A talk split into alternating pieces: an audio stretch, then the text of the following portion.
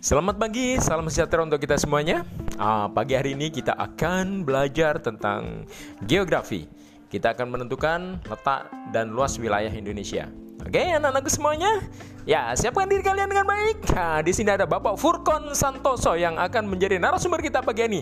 Tapi sayangnya beliau masih menumbuhkan rambutnya sehingga uh, tidak bisa untuk kita jadikan sebagai narasumber.